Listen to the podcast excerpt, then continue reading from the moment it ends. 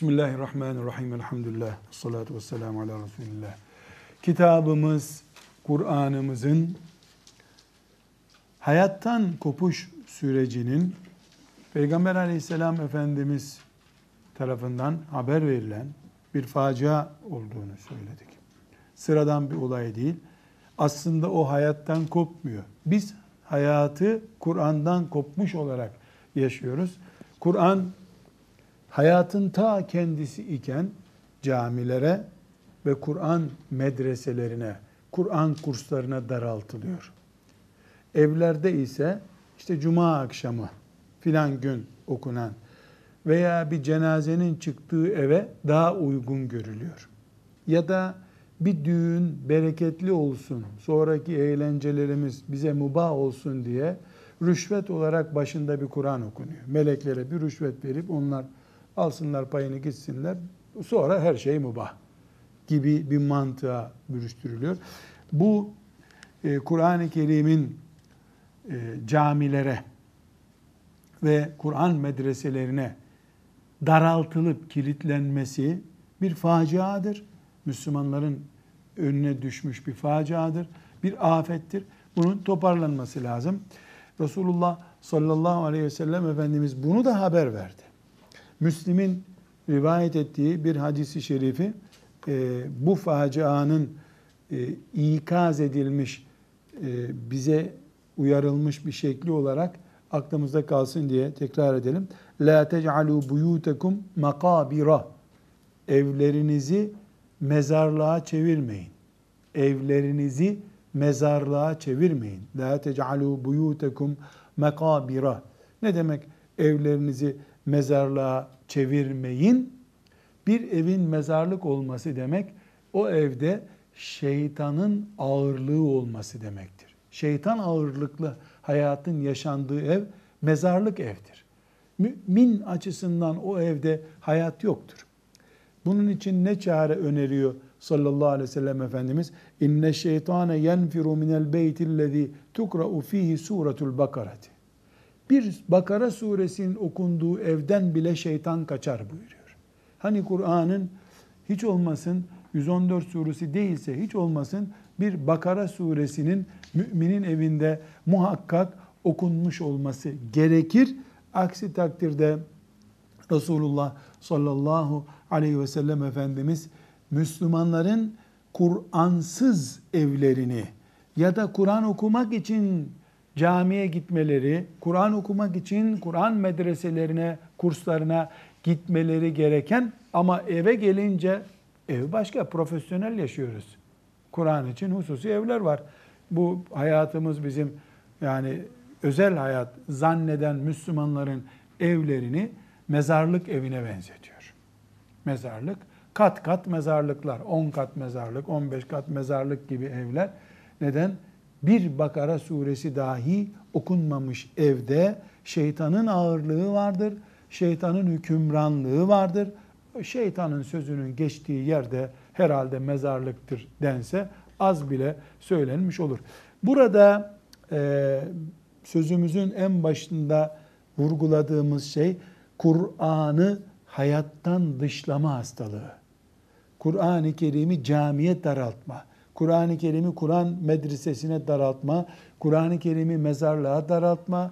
Kur'an-ı Kerim'i e, hastalığının hastalığının iyileşmesi için veya işte ölünün e, yıl dönümü için filan günü için okunan kitap haline getirme hastalığı. Bu bir hastalıktır. Bu toplum bazında rağbet gördüğü zaman afete dönüşür.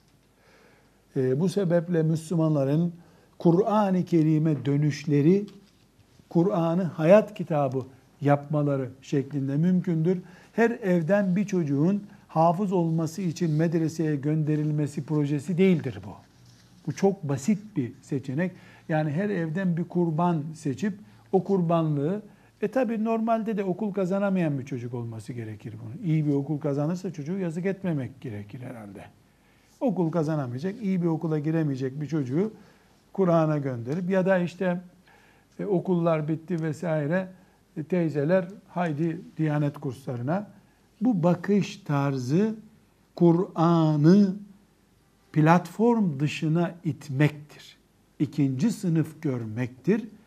Bu bir nesil sonra biraz daha açısı büyür.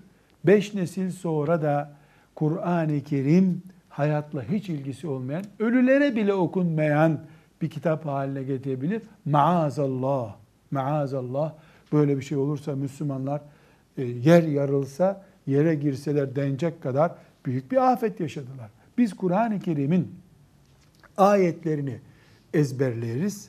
Tamam bu bizim görevimiz. Açar okuruz tamam görevimiz. Alim olup ne dediğini anlamamız şart değil.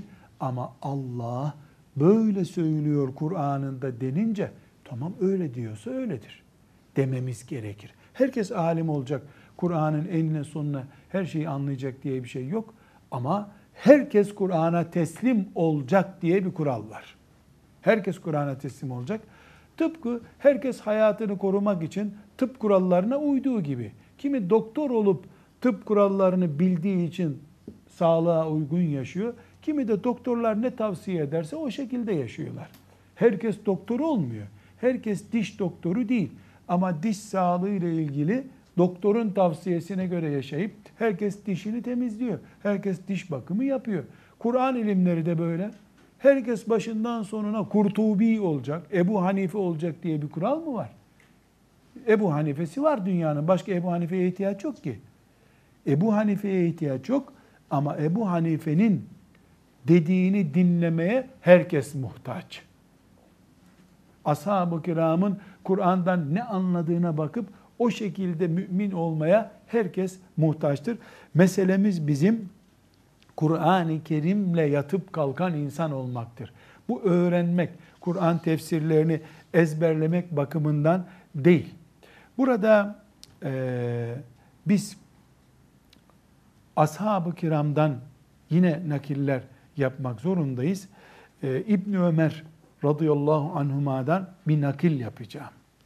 Ama bu nakildeki maksadım yani Kur'an üzerinde eğitim görmüş nesiller, Kur'an terbiyesiyle büyümüş ve Allah'ın sizden razıyım dediği nesiller nasıl yetiştirildi?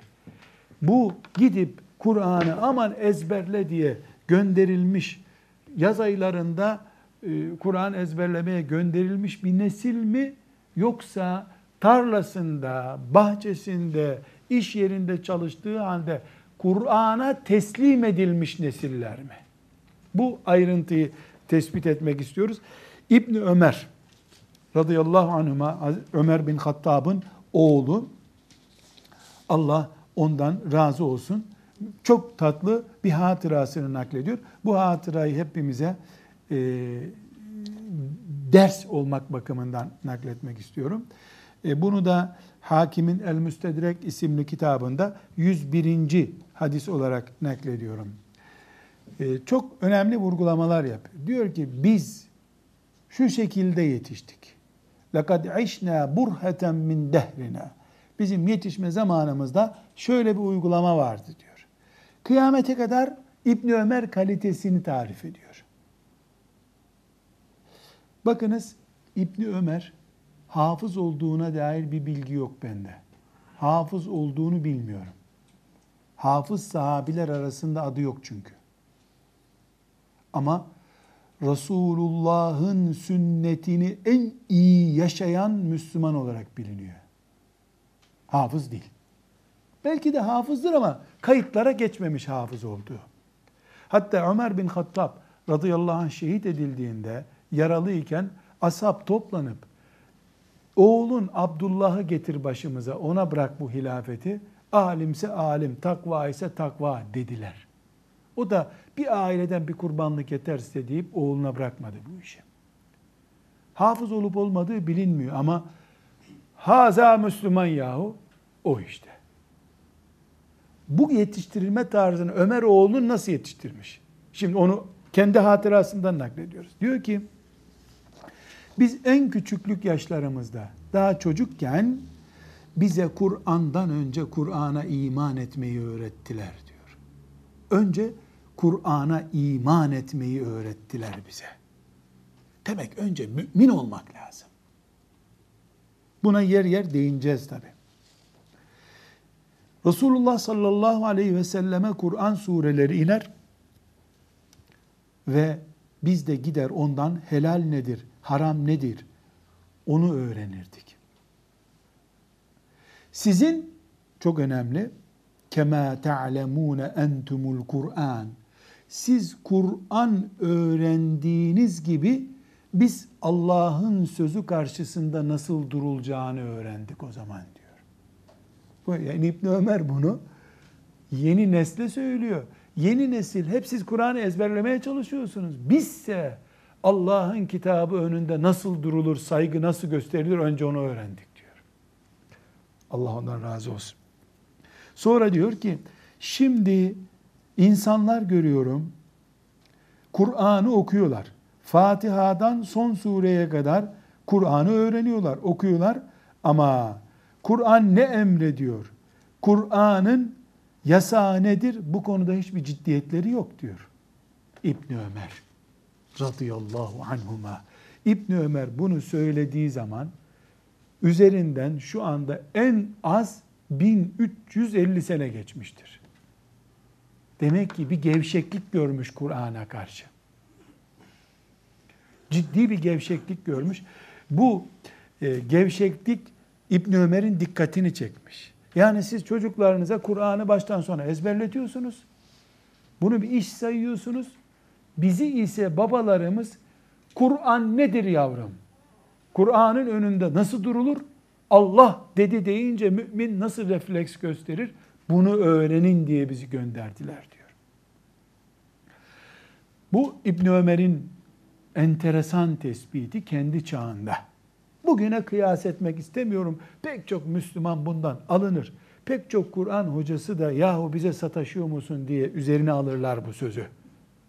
Gerçi alınsın alınmasın önemli değil ama İbn Ömer'le baş başa bırakıyorum herkesi. Müstedrek'te 101. hadis. Efendimizin sağlığında doğan ama Efendimiz'i göremediği için yani ana kucağından Efendimiz'e e, ulaşmak nasibi olmayan fakat bir sahabi çocuğu olan Ebu Abdurrahman Sülemi isimli zat aslında sahabi olacak fakat kaderinde peygamberimizi görmek yokmuş. Tabiinden ama. Büyük muhaddis ve büyük Kur'an alemi. Ee, İmamımız Zehebi rahmetullahi aleyh Siyer-i Alamun Nübela'da bu Ebu Abdurrahman Sülemi rahmetullahi aleyh'ten söz ederken onun Kur'an'la ilgili bir hatırasından söz ediyor. Ee, Siyer-i Alamun Nübela'dan 4. cilt 269. sayfadan e, bu Ebu Abdurrahman Es-Sülemi'nin hatırasını nakledeceğim. Diyor ki e, Kur'an'ı biz öğrendiğimiz zaman 10 ayetten fazla öğretmeyen hocalardan Kur'an öğrendik. Bu cümleye dikkat ediniz. Kânû izâ teallemu aşr âyâtin lem yücavizuhunne ilel aşril uhar.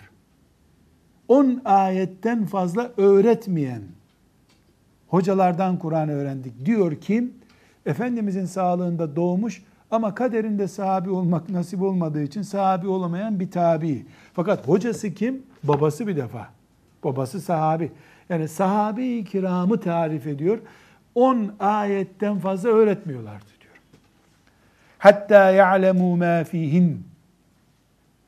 Bakınız biz çocuğa Fil suresini ezberletiyoruz. Oku ezber, okudu. Ha şimdi Kureyş suresine geç diyoruz. Onlarsa ne yapıyorlarmış? 10 ayete göre Allah 10 ayet öğretti sana. Bu 10 ayeti uyguladın mı evinde? Yüzünde gözünde belli oluyor mu bu? Hatta ya'lemu ma fihin. Bunun hükümleri tamam mı? Tamam. Geç 10 ayet daha öğren diyorlar. Hafız olmadı. Olmasın. Çünkü Kur'an'ın bir ayeti insanı cennete koyuyor zaten uygulayınca. Uygulamayınca 100 ayette ezberlesen cennete giremiyorsun. Bu sebeple sahabe mantığı 10 ayet 10 ayettir. Hele bunu bir uygula bakalım diyor. Yudumla. Yani çocuğun ağzına e, bütün yiyecekleri doldurmuyor. Lokmayı yut gel sonra. Lokmayı yut gel diyor. Biz Kur'an öğrenirken onunla amel etmeyi de öğreniyorduk diyor. Sonra diyor ki şimdi insanlar görüyorum bir bardak su içer gibi Kur'an öğreniyorlar. Ama Kur'an onların gırtlağından aşağı geçmiyor zannediyorum diyor. Ebu Abdurrahman Es-Sülemi rahmetullahi aleyh Resulullah sallallahu aleyhi ve sellem zamanında doğan ama sahabi olamayan şanslı tabii neslinin mübarek insanlarından bir zat. Böyle diyor. Evet. Ve sallallahu ve sellem ala seyyidina Muhammed ve ala alihi ve sahbihi ecma'in velhamdülillahi rabbil alemin.